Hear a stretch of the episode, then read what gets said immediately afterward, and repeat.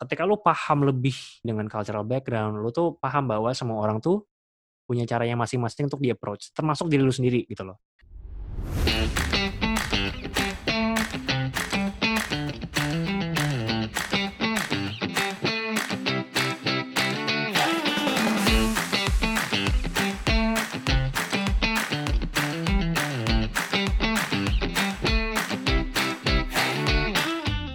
Halo semuanya, kembali lagi di podcast Tips and Trick. Buat yang baru dengar, selamat bergabung dan selamat mendengarkan. Aku Titi, dan di podcast ini aku bakal share tips and trick apa aja yang bisa kita lakukan untuk meningkatkan kemampuan soft skill kita. Nah, hari ini kita bakal bawain topik working in diversity. Atau gimana sih caranya kerja bareng sama orang yang mungkin datang dari latar belakang yang beda, baik budaya ataupun keluarga negaraan. Dan seperti biasa, aku gak akan sendiri nih, karena aku bakal ditemenin sama Kak Jasman. Halo Kak Jasman. Halo, Apa halo, kabar? halo.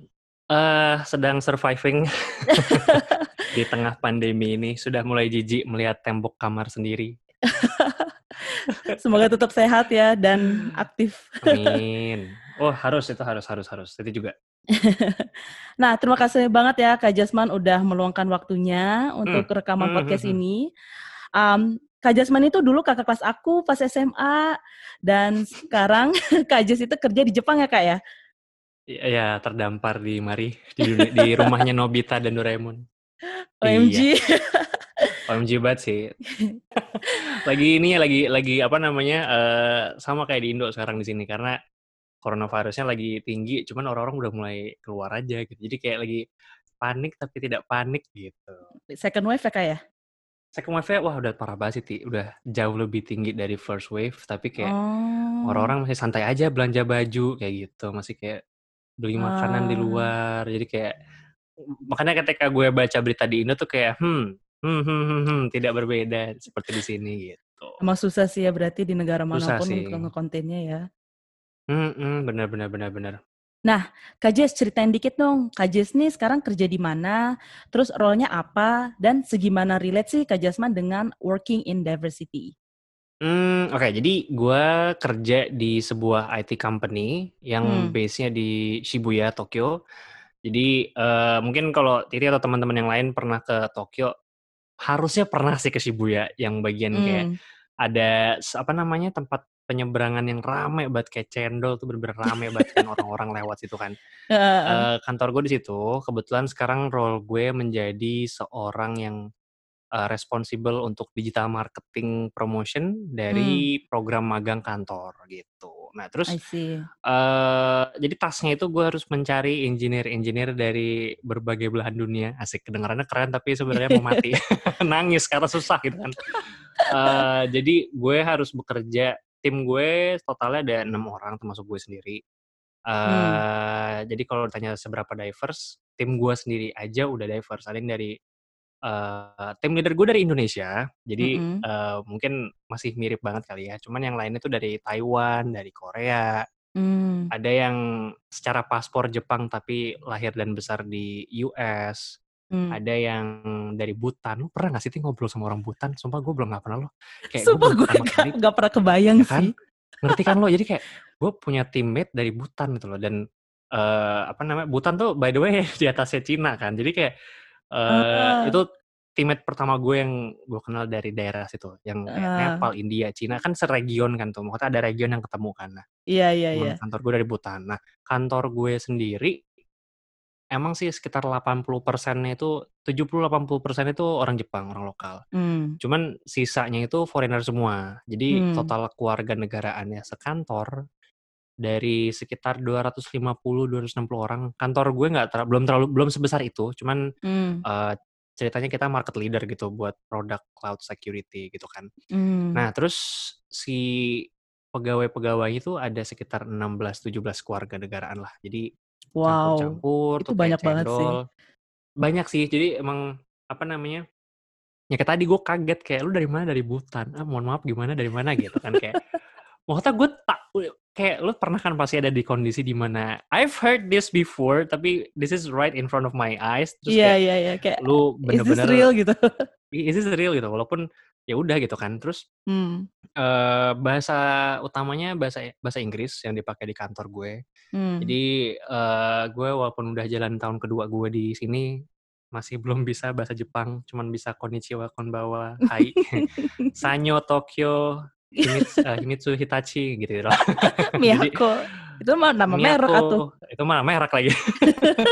ya, terus soalnya di kantor gue kan juga environmentnya bikin apa namanya pakai English sebagai official language gitu kan. Hmm. Jadi uh, kalau ditanya seberapa diverse ya diverse sih menurut gue hmm. gitu karena gue harus bekerja sehari-hari interaksi gue dari uh, harus berinteraksi dengan orang yang memiliki latar belakang budaya yang berbeda, mm-hmm. bahasa ibu yang berbeda, terus gerak-gerik dan gestur tubuh yang berbeda sesuai dengan culture negara aslinya gitu. Mm. Jadi uh, seru sih menurut gue. Jadi mm. ibaratnya kalau kalau misalkan di Indo tuh sering ada uh, apa namanya contoh diversity-nya tuh kayak misalkan orang Batak, orang Sunda, orang Jawa gitu kan. Mm-hmm. Ini kayak versi upgrade-nya gitu loh. Jadi kayak kalau uh, kayak oh orang orang Eropa tuh ternyata dingin-dinginnya kayak gitu, gitu loh. Terus kayak mm.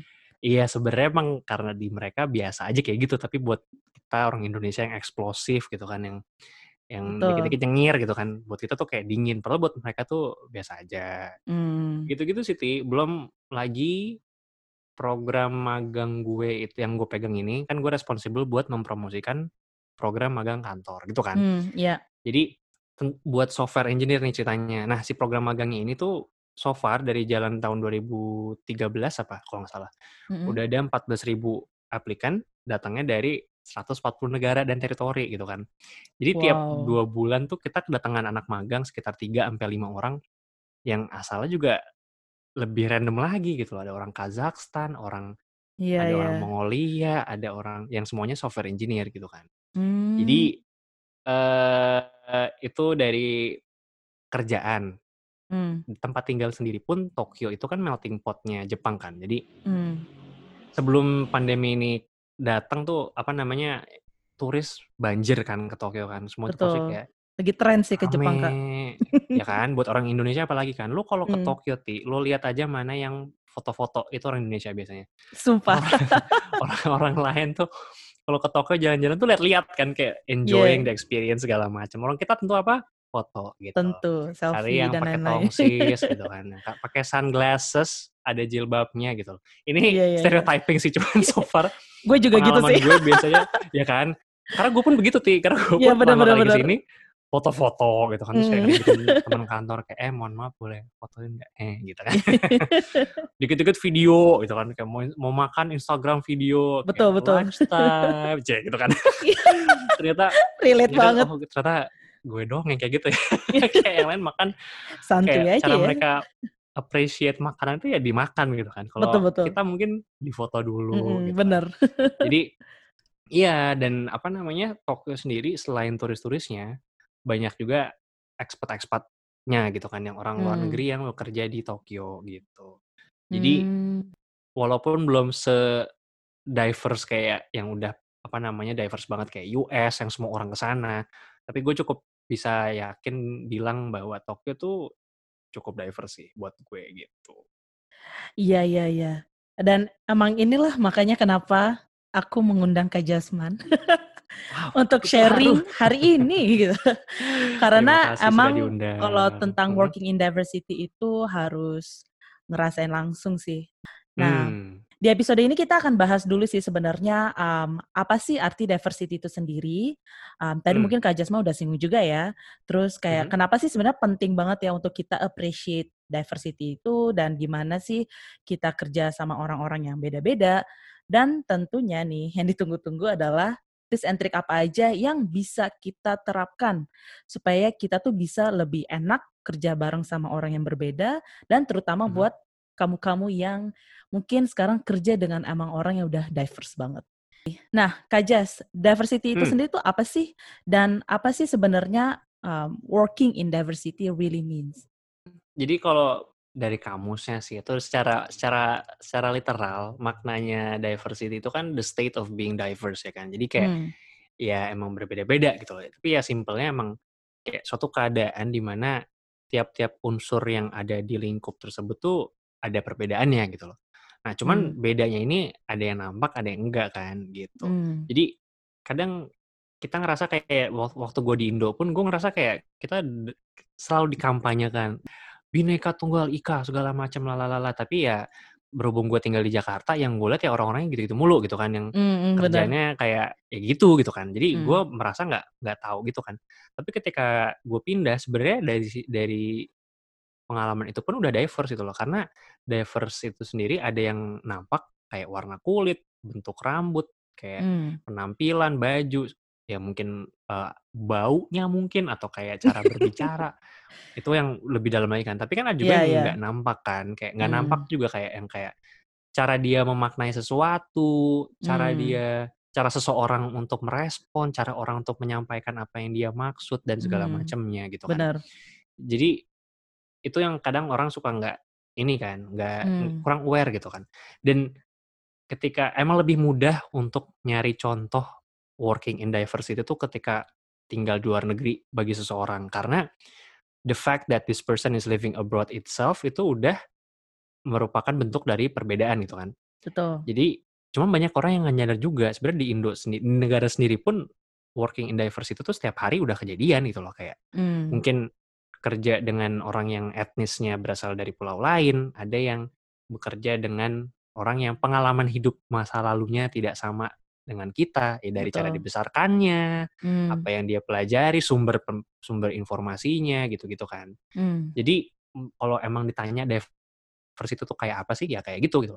Cuman Hmm. emang permasalahannya adalah orang mungkin nggak aware gitu loh. Dan ketika lu Hmm. nggak aware, pasti yang lu pakai sebagai kompas value-nya itu pasti yang lu punya sendiri kan atau yang jadi prinsip Hmm. berperilaku cuman yang lu tahu kan Betul. padahal orang lain punya prinsip berperilakunya masing-masing gitu kan akhirnya jadilah kelas gitu kan atau nggak kayak Hmm. muncullah gosip-gosip kantor kayak ih lu liat gak sih sini itu gitu banget ya padahal Iya, kayak iya, iya, iya. ya gitu-gitu loh gosip-gosip kantor itu sih menurut gue Ti, kayak, kayak gitu Terus lo pas awal-awal ke Jepang kak sempat culture Hmm. shock gak?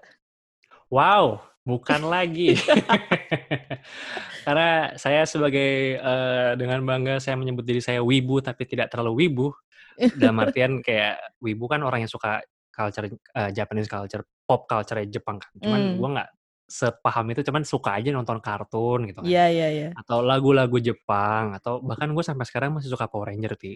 Jadi jadi Power Ranger ya, tuh icon lo banget sih kak. Sumpah dari ya dulu. kan nggak tahu Ti, itu my childhood he- hero sih kayak Iya, mau sampai iya, iya, kapan pun gue bawa jadi intinya yang gue tahu tentang Jepang ya medianya doang gitu kan eh Ya, dari gitu media ya. yang gue konsumsi gitu kan Hmm. jadi ya kayak ya gue tau lah eh, bukan tahu gue pernah lihat lah kayak orang Jepang tuh kalau kerja tuh kayak disiplin on time terus yang kayak kaku terus yang semuanya serba hormat Hmm. lalalala lili lili gitu kan ya jadi ketika nyampe pindah ke Tokyo mulai bekerja ya shocknya lumayan sih gitu loh kayak shock yang paling standar ya betapa beda konsep on time-nya sih jadi kayak Hmm. gue pernah meet jadi waktu itu gue lagi meeting gitu kan Hmm. terus ini kondisinya gue lagi anak magang nih anak magang bau bau kencur ya kan kayak Hmm. masih kayak takut salah takut ini segala macem meeting jam 3 gue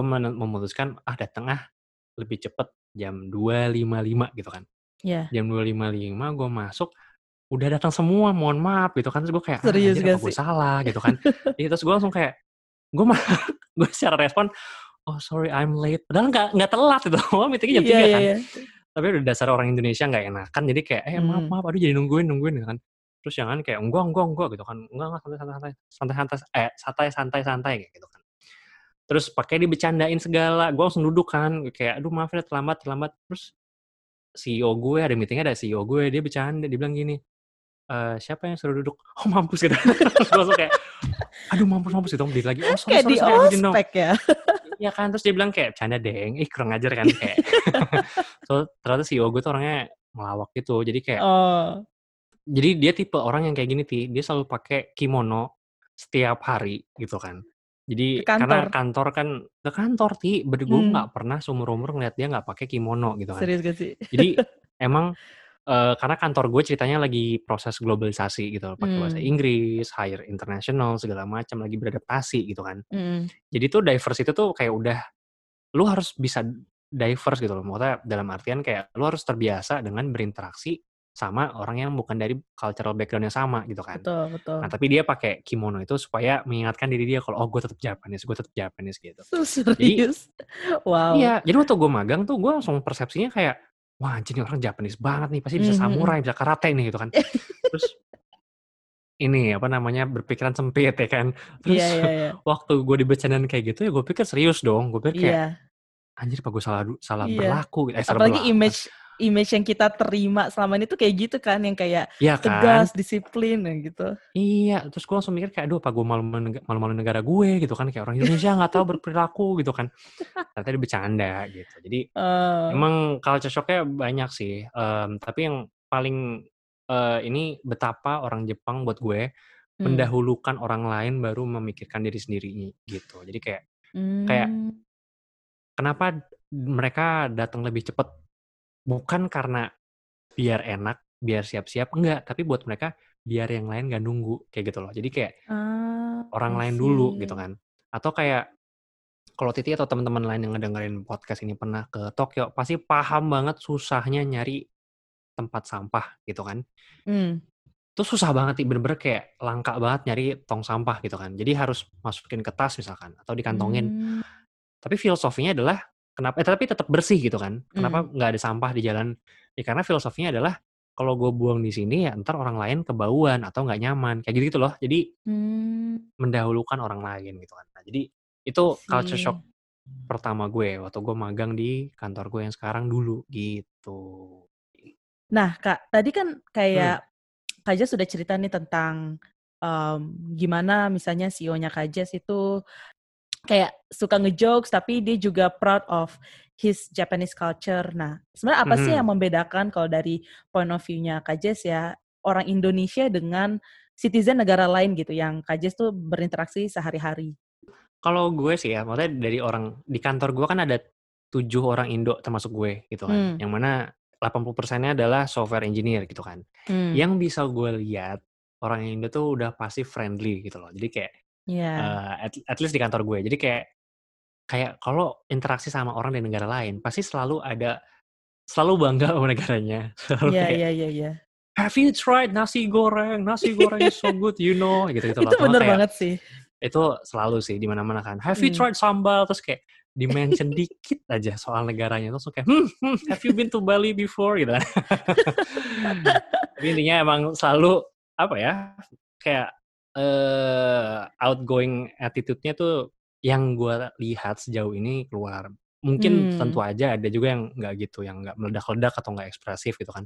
Mmm. Tapi tetap friendly ujung-ujungnya, selalu kayak mau ngebantuin, selalu Iya. menawarkan, atau kayak ada attitude yang likeable lah buat orang-orang negara lain. Ini yang Mmm. seobservasinya gue gitu kan. Mmm. Terus juga orang Indo tuh biasanya ekspresif kan. Jadi kayak, ya mohon maaf saya orangnya disuruh diem sakit kan. Iya Jadi bener. jadi jadi terus ditambah juga orang-orang kantor lain ada juga yang emang lebih pendiam gitu kan. Maksudnya emang Mmm, lebih kalem bukan gitu tipe-tipe ya? yang lebih kalem gitu kan. Jadi tapi dia tetap kayak, apa ya, mmm, punya cara untuk menyampaikan apa yang dia mau atau yang dia mau sampaikan tanpa harus tanpa harus me men le let's say menyakiti orang lain lah gitu loh. Karena, Mmm.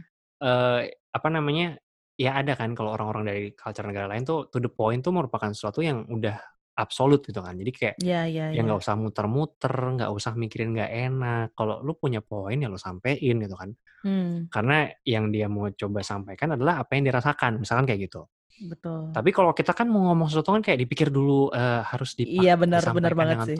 bahasa yang baik, karena itu adat ketimuran kan gitu. Iya iya. Di Jep orang Jepang pun kayak gitu. Jadi kayak kalau misalkan lu nggak Gue yakin ya lu jarang banget nemuin orang Jepang yang ketika lo menyampaikan sesuatu, mereka langsung bilang, nggak bisa gitu loh. Atau kayak, aduh nggak bisa maaf ya gitu, nggak ada. Iya nggak ada kayak, sih. Aduh, begitu ya. Hmm. Iyanya tuh banyak tarikan nafasnya gitu loh, kayak eh nih, ah sorry wajah tuh kasih kayak kayak ada ada ngomong-ngomong yang kayak Iya iya iya. iya. Bahasa basinya banyak gitu loh. Jadi intinya nggak mau mengulur lah untuk dia berpikir juga mhm. kan. Iya, indirect banget kan. Nah, tapi Mmm. orang Indo tuh nggak tahu ya, so far setahu gue bisa menyatukan keduanya. Jadi menyampaikan poinnya, tapi tetap tanpa harus tetap di bukan di sugarcoat, tapi cara delivery-nya pas gitu loh. Jadi, Mmm. eee, bisa tetap sampai gitu. Dan so far dari yang gue lihat, eee, orang-orang yang ini ini pendapat pribadi gue ya, orang-orang yang kerja di luar tuh biasanya pasti punya etiket kerja yang bisa dijamin lah kasar kayak gitu. Karena Mhm. so far yang gue lihat orang, eee, orang Indonesia tuh emang kinerjanya bagus, nggak banyak nanya, eee, langsung kerjain kalau ada masalah konsultasi gitu loh. Jadi tipikal yang Oh. emang I would say a good team player Mmm. kayak gitu. Eee, dan maksudnya self management-nya juga bagus gitu loh. Jadi get get the job the job done gitu loh. Ini yang Mmm. gue lihat so so far kayak gitu. Jadi yang kalau lu tanya kayak gitu, gitu sih. Orang bos gue ya, jadi si CEO gue ini, yang tadi pakai kimono, dia tuh saking appreciate, eee, orang-orang Indo, dia tuh belajar bahasa Indonesia Ti, pakai Duolingo. Oh ya? Jadi strike-nya dia itu yang kayak apa namanya, combo-combo di Duolingo kan kalau jadi Duolingo kan aplikasi belajar bahasa kan. Mmm. Setiap hari kalau lu buka aplikasi dan mainin, lu dapat kayak semacam badge-nya gitulah. Dia udah punya Ah. badge-nya 650 hari apa, dia dia udah 2 tahun Ti, belajar bahasa Indonesia pakai Duolingo dan dia sekarang udah Serius? bisa ngasih pidato pakai bahasa Indonesia, Wow. gitu. Jadi menurut gue itu sebuah tapi tanda bahwa appreciate banget sama effort-nya gitu loh. ya kan, orang orang Jepang emang gigih Ti, biasanya Ti, gigih banget kayak Mmm. kalau ada sesuatu yang dikejar tuh kayak, wah lanjutkan lanjutkan lanjutkan, kaizen kaizen kaizen, Iya bener. improvement improvement, gitu kan. Ya lu tau lah yang kayak gitu-gitu kan. Jadi Mmm. emang, eee, menurut gue itu suatu indikator sih kayak it's safe to say kalau orang Indonesia di kantor gue bisa memberikan impression yang tidak mengecewakan gitu. Mmm. Dilihat dari CEO-nya yang kayak segitu apresiatifnya gitu. Iya iya iya iya. Terus kalau misalnya dibandingin sama orang yang non-Indo tuh gimana, Kak? Misalkan kayak kalau kita kan tadi kayak, oh kita lebih friendly lah, mungkin kita juga budaya lebih kolektif kan, suka ngumpul, suka, uh, Betul betul. hura bukan hura-hura sih, tim hore lah, tim hore gitu. Yes yes yes yes yes. Dan maksudnya balik lagi ke in terms of culture shock, apa sih mungkin kayak kalau bisa di-sharing hal-hal atau behavior apa yang kayaknya, wow wow ini tuh nggak Indo banget, terus kayak gue harus belajar nih buat adapt sama behavior kayak gini? Jadi yang gue lihat sih paling ini people mind their own business gitu loh. Jadi kayak ketika, eee, konteks kayak apa ya, kayak misalkan lu ya masing-masing udah tahu kalau mereka harus fokus di kerjaan masing-masing, jadi Mmm. mereka nggak bakal ngomongin orang lain ketika nggak ditanya gitu loh. Jadi, Mmm. eee, apa namanya, ketika misalkan karena nggak tahu sih gue pengalaman gue dulu kerja di Indo, social pressure tuh bagian utama dari pekerjaan lo kan, gitu loh. Bener. Jadi kalau misalkan, eee, Apa yang let's orang say katakan. ya itu mempengaruhi apa yang lu pikirkan gitu kan. Ya Bener kayak, bener bener. eee, karena itu udah jadi bagian dari cara kita dibesarkan juga gitu loh. Jangan kayak gini, entar dibilang orang kayak gini, kayak gitu-gitu kan. Mmm. Mmm, di sini mungkin karena udah ke-expose sama orang-orang dari culture lain ya, people just mind mind their own business, mereka kerjain apa yang mereka kerjain dan kalau berinteraksi sama orang, yang dijadiin bahan interaksi itu bukan apa yang jadi kerjaan lo, bukan yang kayak buk mereka bukan kayak mengomentari apa yang lo kerjain gitu loh. Pun kalau ada, Mmm. mereka akan kasih apresiasi, kalau nggak ada apresiasi, ya nggak diomongin gitu loh. Jadi kayak Iya iya nggak iya. yang kayak, "Eh gue ngelihat poster lo kemarin, bagus deh, coba kalau ditambahin lagi, pasti lebih bagus." Nggak nggak gitu gitu loh. Jadi Mhm, iya kayak iya. kayak itu kan kayak, ih kan bukan kerjaan lo gitu. Tapi kayak kalau bagus ya dibilang, "Oh I saw your poster, it was so good, blah blah blah blah blah blah." Itu kalau mereka genuinely mikir ya emang bagus. Tapi kalau mereka pikir kayak nggak nggak nggak memorable atau emang biasa aja ya, nggak diomongin gitu loh, Iya gitu iya, kan. nggak di nggak dinyinyirin diam juga gitu. e heeh, betul, nggak diungkit-ungkit juga gitu. Dan itu menurut gue yang Mmm. orang Indonesia kayak termasuk gue harus belajar banyak sih dari kayak gitu, gitu kan. Karena mungkin karena mungkin dulu kita dibesarkan terbiasa tidak boleh salah kali ya. Jadi kayak Mmm. Kayak jangan gini, entar begini, jadi nggak nyoba. Terus ketika salah pasti ada sanksi sosialnya gitu loh. Entah kayak dikata-katain kah, diceng-cengin kah, segala macem kah gitu kan. Hmm. Jadi ketika ada kita melihat suatu kesalahan di depan kita, kita punya tendensi untuk mengomentari gitu loh. Itu Ya, ini benar-benar. pendapat pribadi gue gitu. Jadi ketika ada yang nggak sesuai dengan apa yang menurut gue bener, gue akan rasa bahwa ih itu kan harusnya gini gitu loh. Ntar lo lo ini loh, lo ini deh kayak gitu kan. Hmm. Tapi kalau di eh, workplace gue sekarang mungkin eh, cultural backgroundnya berbeda. Jadi salah tuh nggak apa-apa.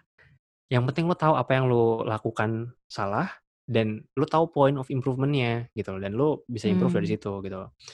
Jadi karena berangkat dari mindset itu tuh mempengaruhi cara orang mengomentari orang lain gitu loh. Betul. Jadi nggak ada yang kayak nyinyir-nyinyirin atau yang kayak yang kayak gitu loh. Jadi kayak atau ngobrol obrolan pagi juga nggak ada yang kayak lu lihat nggak kemarin sini bau bau asbak anjir kayak gitu nggak ada gitu. Tapi kayak obrolan tuh kayak berita atau nggak kayak yang eh gue kemarin kayak gini kayak ngobrol yang lebih light gitu loh. Nggak Hmm, ada hmm, yang kayak hmm. social pressure Bukan yang gitu-gitu. kayak ya gosip gitu kan atau Mm-mm. Kalaupun gibah. ada yang bermasalah, iya iya, kalaupun ada yang bermasalah, itu tuh nggak yang bukan dikomporin gitu loh. Iya, Cukup iya. kayak berhenti di titik kayak kemarin si ini ngelakuin hal ini, terus kayak oh iya, wow, that's bad, that's it gitu loh. Jadi nggak nggak iya, iya. nggak dibumbuin gitu loh. Terus gak Itu yang diomongin ke semua orang gitu. iya atau kayak metodenya kayak eh gue bukan yang mau ngomongin sih, tapi ya kayak gitu Iya, iya, aja iya, gue iya. kan. iya, jadi itu yang menurut gue orang Indonesia bisa belajar banyak karena emang itu untuk Hmm. kesehatan mental juga kan. Iya, iya, iya. gitu sama yang eh, kentara tuh ini sih kayak sendiri tuh bukan sebuah tanda kelemahan gitu loh. Jadi kayak kayak it's totally fine to go get your own lunch and have it by your own tanpa harus Hmm. kayak makan siang keluar sendirian tuh hal yang sedih gitu kan. Karena kayak tadi Setuju banget udah- sih. Titi udah mention kan kayak di Indonesia budaya kolektif gitu. Tapi entah kenapa ada titik yang menyimpang yang menyebabkan kalau kita pergi sendiri itu dianggap sedih gitu loh. Itu kayak di Iya, mananya? iya, iya. saya tidak mengerti. Wah hati lu nggak kebayang sih kayak atau mungkin lu juga ngerasain kali jadi selama kemarin di lockdown itu ya sendirian kan terus Iya. kayak respon-respon orang bilang tuh kayak kasihan banget ya sendirian apalagi gue kan harusnya eh, istri gue kan harusnya datang tapi nggak bisa kan karena Mm-mm. eh, visanya belum di approve karena lagi on hold gara-gara si Hmm. pandemi ini Iya. orang selalu mikir kayak kasihan ya si Jasmine sendirian kasihan well gimana ya?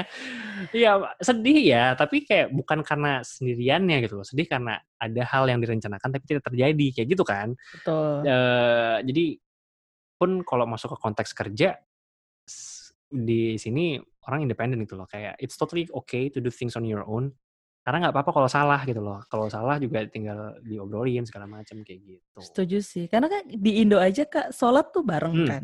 Ke WC bareng kan. Mhm. betul Jajan sore ke bawah eh, eh, jajan sore ke bawah bareng kan. Jadi kayak aman di Betul. mana-mana tuh ya ada sejolinya lah. Dan emang iya kan? Jadi kayak Eh, pas iya iya iya iya pas keluar dan kayak misal kayak pas aku di Singapura juga Hmm. Semuanya tuh ya kalau mau makan sendiri ya udah makan aja. Bahkan nggak ngajak-ngajak kayak weh makan yuk Hmm. semuanya gitu. Ya enggak kalau lapar ya makan aja sana ke pantry gitu. Bukan berarti dia jutek juga sih.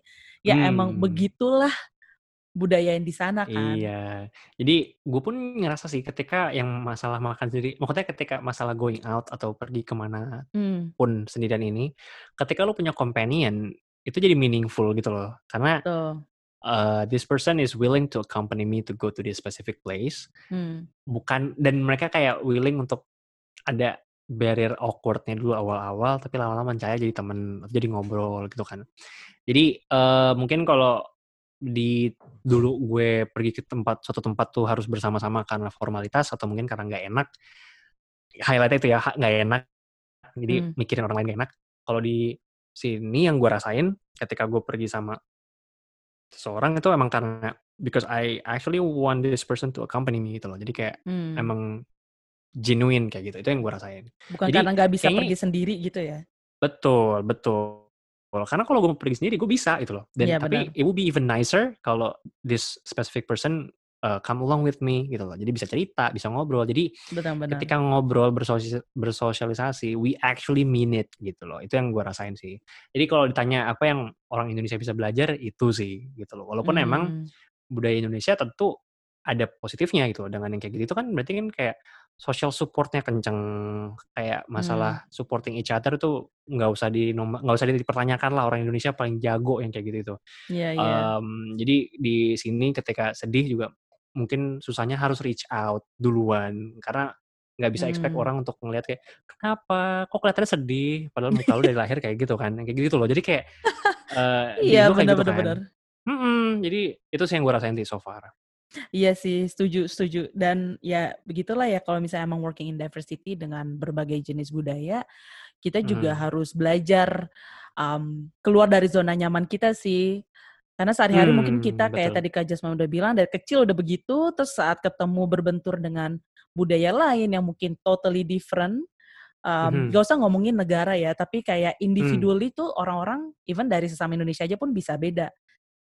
Nah, menurut Kak Jas sebenarnya, mmm, benefit apa aja sih yang kerasa banget nih saat Kak Jas tuh kan udah kerja sama orang dari berbagai negara, dari berbagai budaya, mmm, in terms of bener-bener ke ke personal development dan juga mungkin in terms of career development? Mmm, kayaknya one thing one thing, eee, diversity has taught me so far yang paling bener-bener precious buat gue itu ini sih, eee, apa namanya, buzzword banget sih, maksudnya sering banget disebut-sebut, tapi intinya jadi open minded gitu kan. Open Mmm. minded yang gimana? Maksudnya open minded kar lu tuh open minded karena lu udah tahu banyak gitu kan. Jadi lu nggak cuma terpaku ke satu set pengetahuan yang lu punya dan ke situ aja gitu kan. Nah, Mmm. ketika lu sering bertemu dengan berbenturan dengan orang-orang yang dari culture budaya dengan latar belakang budaya yang berbeda, dari culture yang berbeda, lu tuh makin tahu banyak dan menurut gue benefit paling utamanya adalah lu tuh adaptable gitu loh. Lu tuh lebih lebih agile gitu loh, lu lu lebih tahan banting kayak gitu loh. Karena Mmm.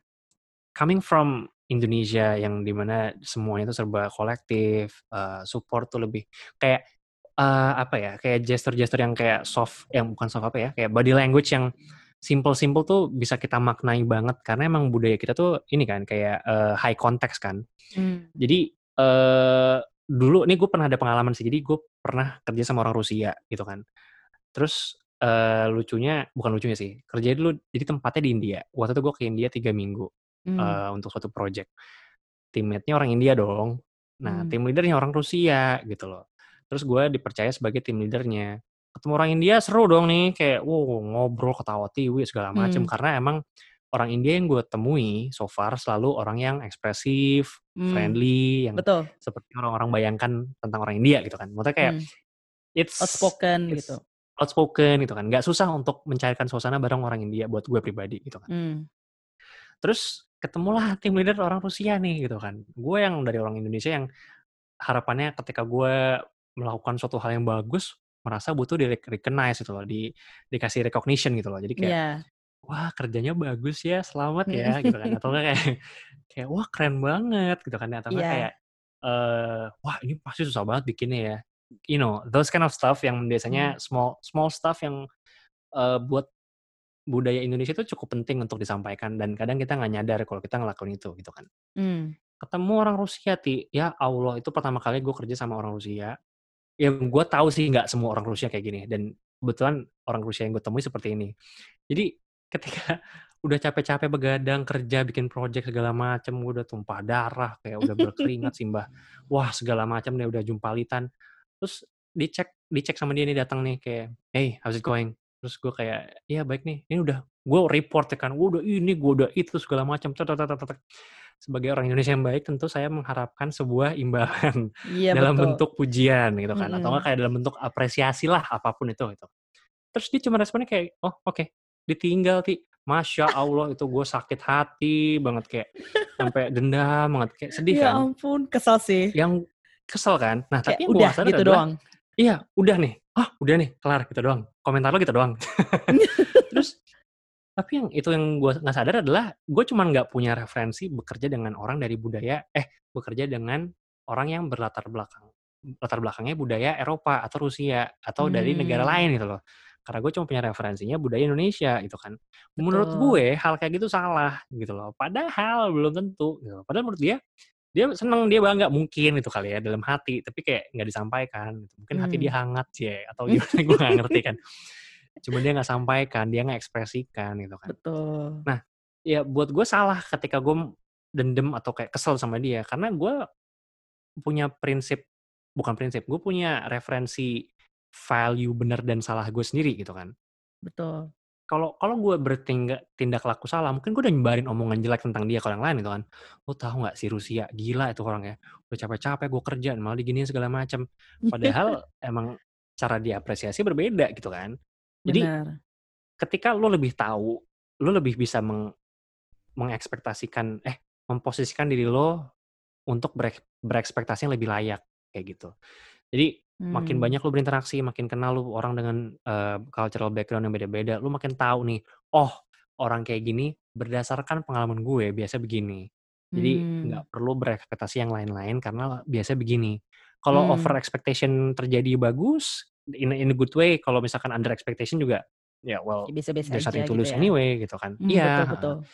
Jadi kalau menurut gue ini berkaitan sama ini sih komunikasi gitu loh. Karena pada dasarnya orang bekerja dengan berkomunikasi kan. Dan Hmm. ketika lu paham latar belakang orang lain, diversity-nya kayak eh cultural background orang lain, lu tuh punya informasi lebih untuk diproses di kepala lo sehingga lo bisa berkomunikasi dengan lebih baik gitu. Hmm. Dan dari situ nih ke mana-mana sih menurut gue. Contoh nggak ada blanket strategy gitu loh. Jadi kayak blanket strategy itu gimana?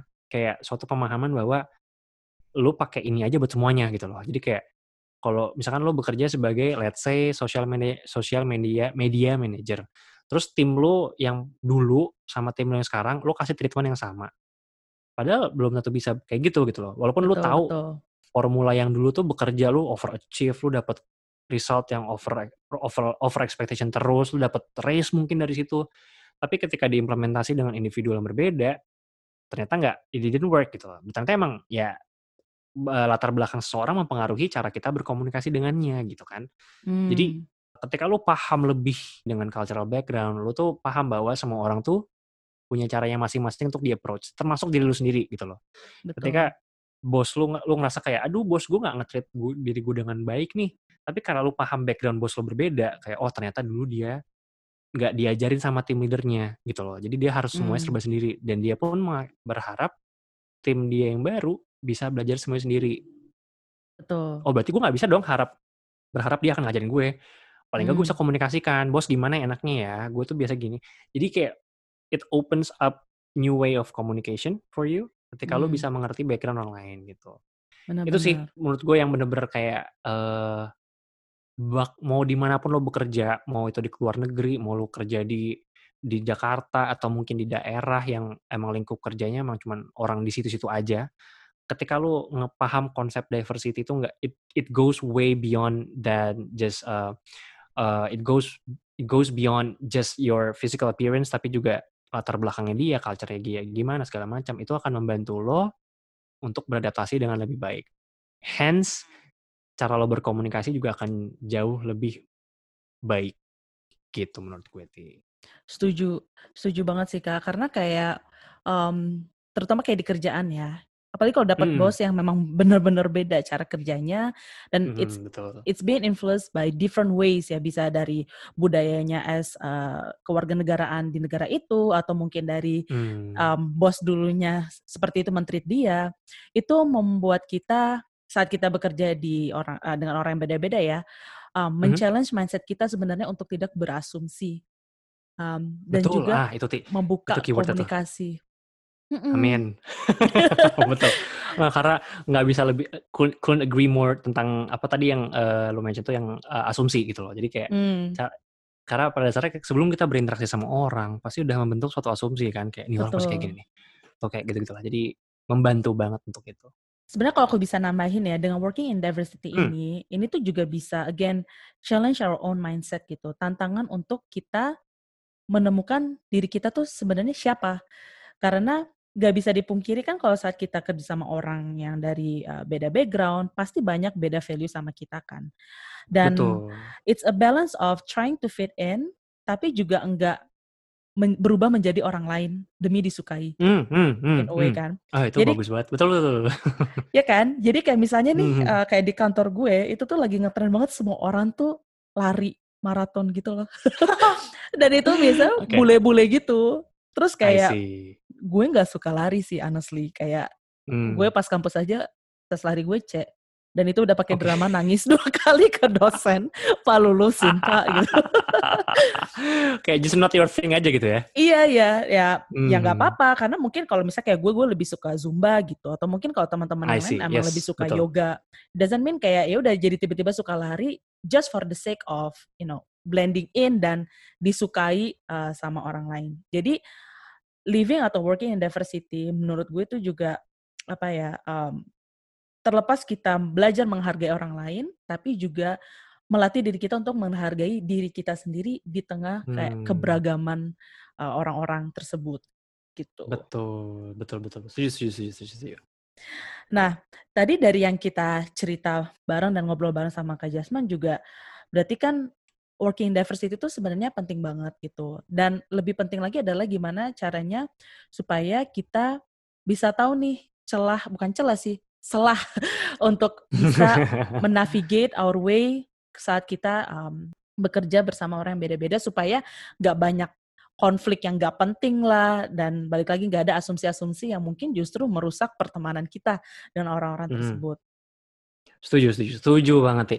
Dan ini menurut gue uh, globalization itu cuma salah satu reasonnya kenapa harus ngerti atau harus mulai mindfully belajar soal living in diversity sih. Karena Hmm, mungkin ada pendengar dari podcastnya Tips and Trick yang mungkin scope kerjanya let's say dia entrepreneur jadi kayak tim betul. dia cuman let's say pekerja-pekerja rumah yang di sekitar kompleknya dia gitu. Yang mana nggak Hmm. ada orang Eropanya misalkan. Misalkan semuanya orang orang rawa belong misalkan. Kan nggak tahu kan. Iya, tapi ya paling standar emang karena it's the most human thing to do sih. Karena basically ini soal mengerti orang lain kan gitu. Dan Hmm. selama kita bekerja selama yang namanya manusia pasti bekerja dengan orang lain mau itu dari negara mana pun dari latar belakang culture mana pun pasti ada momen di mana kita harus saling mengerti gitu. Hmm. jadi eh, globalisa- globalization itu salah satu yang paling cepet yang paling kelihatan gitu loh. Yang karena eh, orang mulai lompat-lompat negara internet udah kayak penetrasinya dalam banget di negara kita di Indonesia. Betul. terus komunikasi ke orang dengan negara lain juga semakin mudah gitu. Jadi Hmm, ya kalau eh, kita nggak aware dengan fakta ini dan nggak mindfully mengerti udah sejauh mana gue ngerti soal living in diversity eh pasti kelelepnya cepet sih gitu jadi emang hmm. it's quite urgent menurut gue pribadi I see. Iya setuju banget sih. Dan Kak Jasman kalau bisa share nih, tips and trik apa sih hmm yang biasanya Kak Jasman gunain atau terapkan saat mhm, bekerja sama um, atau networking dengan orang-orang yang tadi beda-beda keluarga negaraan dan mhm. mungkin kalau misalnya ada cara-cara nih yang bisa di-share ke yang dengerin yang mungkin lagi struggling nih aduh kok kayaknya gue frustasi banget ya kerja sama um, orang luar negeri gitu atau sama orang bule Hmm, kayaknya nggak nggak dapet dapet nih Um, kira-kira apa aja hmm. tuh kak? Kalau pertama yang gue yang gue biasa coba lakukan, I put myself aside and I listen more. Hmm, Karena eh, gue pengen ketika gue bertemu dengan orang dari yang latar belakang backgroundnya gue belum pernah berinteraksi, misalkan orang Butan tadi yang gue mention, itu gue nggak tahu apa-apa kan. iya sih Pun yang fix, dari gue baca pun terbatas kan. Jadi gue betul. pengen belajar lebih lanjut dari dia gitu loh. Jadi Hmm, cuman dengan cara itu doang gue bisa mengerti. Gue nanya, gue belajar dari dia. Terus gue itu yang pertama, listen more. Put myself, hmm, I put myself aside and I listen more. Yang hmm, kedua, common sense punya gue itu mungkin berbeda dengan common sense versi orang. Jadi hmm, nggak bisa main bilang kayak itu kan yang jadi norma, ya norma mana nih, norma siapa gitu kan. hmm, Eh, beda-beda tiap orang. Bahkan yang tinggal di Jakarta, sesama yang tinggal di Jakarta pasti punya norma yang berbeda karena keluarga berbeda, tempat tinggal berbeda, circle pertemanan berbeda gitu loh. betul. Jadi eh, untuk bisa paham karena pada dasarnya benefit dari living in diversity kan lu bisa lebih memahami orang lain gitu kan. Betul. Nah, jadi ketika lu masih datang berinteraksi dengan orang membawa apa yang lu percaya benar, Hmm, itu pasti lu akan clash dengan orang lain karena orang lain pun akan membawa apa yang menurut mereka benar versi mereka gitu. Ini hmm, berdasarkan experience gue. Jadi the moment when we say someone is wrong itu sebenarnya bukan salah tapi menurut apa yang kita tahu dan menurut value prinsip principal value kita itu salah buat yang kita hmm, percaya. Padahal buat orang tersebut buat dia itu bener gitu loh. Dia dari kecil kayak gitu. Kita nggak tahu kan. Hmm, nah, bener. dan itu nggak kita nggak mungkin bisa sampai ke tahap mikir seperti itu kalau kita datang ke suatu circle atau ke tempat kerja tiap hari lah membawa apa yang kita percaya bener versi kita. Jadi harus paham itu dulu Hmm. gitu. Yang ke kalau yang pertama listen more, yang kedua common sense tuh mungkin berbeda. Yang ketiga tuh belajar bagaimana cara berkomunikasi. Hmm. Like really learn how to do it properly. Hmm. Orang mungkin sering pahamnya komunikasi gimana sih caranya ngomong, ya kan? Hmm. Orang lupa kalau mendengar juga salah satu bagian dari komunikasi. Hmm. Mengartikan apa yang orang bilang itu pun juga bagian dari komunikasi. Hmm. Membentuk kata-kata biar yang orangnya terima itu sesuai dengan apa yang kita Betul. maksud, itu pun skill komunikasi gitu kan. Hmm. Banyaklah untuk membaca karena gue dengan uh, keterbatasan bahasa, gue sering banget kayak menggunakan kata-kata yang nggak sesuai gitu. Jadi maksudnya berbeda in English gitu kan. Hmm. Um, itu baru dari masalah grammar atau masalah uh, bahasa gitu loh. Belum dari Hmm. masalah yang lebih dalam lagi kayak uh, kayak kayak apa namanya gerak-gerik tubuh segala macam yang cara berkomunikasi gitu loh kayak Iya, gue iya. harus respon apa ya ketika dia ngomong kayak gini hal-hal kayak gitu so if you able to do it it will get you far really far di karir lo gitu Hmm. kan terus yang keempat yang terakhir listen more nggak ada Hmm. yang lebih penting dari itu dan karena the moment you stop listening jadi ketika lo ngobrol nih terus di kepala lo, lo udah kepikiran mau balas apa atau mau nanya apa di situlah lo berhenti mendengarkan ya kan Betul. jadi eh, ini akan menghalangi lo untuk mengerti orang lain karena lo udah membawa sesuatu gitu. Jadi dan ini bisa diadaptasi eh dipakai di mana pun mau lo kerja di kantor yang sekarang multinasional mau yang sekarang tempat kerja lo Hmm. sekarang nih eh, eh, siapa pun yang dengerin ini yang mungkin nggak ada orang bule sama sekali ini juga menghalangi lo untuk mengerti latar belakang orang lain yang setim sama lo misalkan kayak gitu. Jadi Betul. it's very im- implementable di mana pun menurut gue gitu. See. Setuju banget sih, karena dari mendengarkan itu sebenarnya kita bisa memahami lebih kenapa sih dia bertingkah seperti itu. Iya kan? Betul, betul, amin. Aduh, betul, betul, betul. amen, amen. Hmm, betul, setuju, setuju, setuju. Dan juga tadi tentang komunikasi ya Kak, em, selain Mhm. ngomong itu juga menurut aku kayak misalnya kita uh, teks. Jadi kayak ada orang-orang yang mungkin dia tuh bener-bener gak suka kalau di teks abis jam 6. Karena jam 6 tuh udah Hmm, udah ya udah udah selesai kerja. Bukan working hour gitu ya. Hmm. Betul. Tapi ada juga orang-orang yang kayak kalau dia tuh welcome aja gitu loh mau ngechat jam 10 Hmm, malam, mau jam 7 pagi. betul. Nah, yang kayak gitu-gitu kan juga ada influence budaya kan. um, Mhm, betul, dan betul, betul. mungkin previous working place-nya dia kayak gimana. Jadi itu salah satu hal yang juga perlu untuk dipelajari gitu dan um, Betul. supaya kita bisa lebih mudah juga kan berkomunikasi dan membentuk pertemanan itu sendiri sih dengan orang tersebut. Betul sekali. Nah, dan aku kalau bisa nambahin nih, em, salah satu hal yang juga aku suka pakai se- semenjak aku kerja di luar negeri itu adalah membuang mindset kalau kita itu lebih superior atau kita Hmm, inferior dibandingkan dengan hmm, em, orang tersebut. Ya gak sih? betul, bagus tadi. Eh, bener banget. Aduh, bener banget. Kayak misalkan ya, ada tendensi kalau kita kerja sama orang bule, kita tuh ngerasa kita tuh lemah atau bego. Atau kayak, aduh dia bule ya, gue mah apa, remah-remah Roma Iya. gitu. Eh, Padahal tapi lu pernah denger ini gak sih, enggak. Hmm, Pernah denger ini gak sih kayak teori-teori nggak tahu bener apa enggaknya? Jadi orang Indo tuh biasanya inferior karena pengaruh kelamaan dijajah dulu, Ti. betul, Nggak tahu sih, gue betul. waktu nah, pertama kali denger kayak, wow, damn, that's like boom gitu kan. Iya juga sih. Jadi terbiasa True, eh, foreigner tuh kayak superior dibanding kita gitu kan.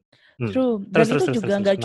di Indonesia. Jadi kayak di Vietnam pun. Jadi kalau di Vietnam itu kan Mhm. lu udah dijanjinya bukan sama Belanda ya, uh, sama Mhm. Prancis.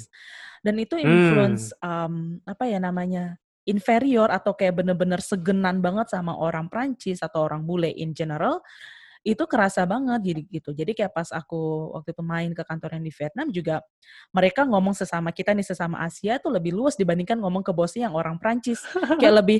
"Eh, iya iya iya oke oke aku kerjain gitu. Tapi kayak oh Betul. berarti ini influence atau mungkin hawa-hawa oh dulu dia pernah jajah negara gue berarti dia lebih lebih superior itu masih kerasa gitu dan yang aku pelajarin pas di Singapura itu adalah to challenge that mindset karena sebenarnya kita tuh pasti ada alasan kenapa kita di posisi ini kan kenapa kita kerja Hmm. bukan karena kayak ya menang undian gitu, tapi karena emang you have something to offer, that's why we hire you yes. kan. Yes. So jangan jangan merasa inferior, tapi juga jangan merasa superior nih. Kayak misalnya kayak ya gue tuh orang Indo, lo lo siapa gitu. Jadinya agak Aduh, sombong setuju, kan, setuju. nggak sopan. Betul. Betul. Jadi kayak um, salah satu tips itu adalah mengganti mindset kita, bukan mengganti sih, tapi kayak try to always challenge our mindset supaya kita tuh tetap confident, um, Hmm. tapi treat people and yourself fairly juga gitu. Um, Betul. jangan ngerasa Setuju, terlalu di bawah setuju. atau terlalu di atas, karena itu bisa menghambat kita untuk membuat network itu sendiri dengan orang-orang yang mungkin beda beda negara, beda Hmm. budaya. Hmm, setuju, setuju, setuju, setuju, setuju. Dan terakhir itu ya have fun dan enjoy. Jangan melihat uh, working in diversity as uh, apa ya sesuatu experience yang menakutkan gitu, yang Hmm. kayaknya aduh harus ngomong bahasa Inggris gitu atau aduh ketemu lagi nih sama si orang ini gitu kan mana susah lagi Iya. ngomong sama dia terus jaga jelas lagi gitu tapi kayak try to make this um, experience atau opportunity ini sebagai kesempatan emas yang bisa membantu kalian untuk connect atau network dan orang lain Hmm. make friends. Jadi ya enjoy Hmm. aja gitu. Salah-salah ngomong, ya namanya juga belajar. Mereka pun gak 100% benar gitu. Tapi ya balik lagi Iya. sih, yang kayak kata Kak Jasman bilang, um, kunci untuk bisa, kunci untuk bisa Kunci. bekerja dengan orang-orang yang beda latar belakang itu benar-benar open your mind and listen more. Betul. Pokoknya harus mindful dengan apa yang dilakukan. Dengan itu, cuman dengan cara mindful lah kita bisa ngerti kita lagi ada di mana gitu. Setuju banget. Yang pun Kak, gak kerasa loh kita udah mau sejam. Wow, sudah berapa hari kita ngobrol? Panjang banget ya. Aduh. Topiknya ini seru Semoga banget sih. bermanfaat. Hmm, Semoga berfaedah buat semuanya. Thank you banget Kak Jasman udah sharing tips and triknya, cerita pengalaman-pengalamannya. Semoga pandemi ini segera selesai. Jadi kita bisa Amin. nyamperin Kak Jasman ya ke Tokyo. Please, please tolong bawa pempek. Aku kangen banget pempek. Karena mahal banget di sini jual pempek. Jadi ya, terima kasih juga Titi sudah mengundang. Uh, ya, I'm very humbled by the opportunity. So, thank you so much for inviting me. Yes. Nah, buat yang dengerin nih, Next kalian mau kerja bareng sama siapa? Udah siap belum?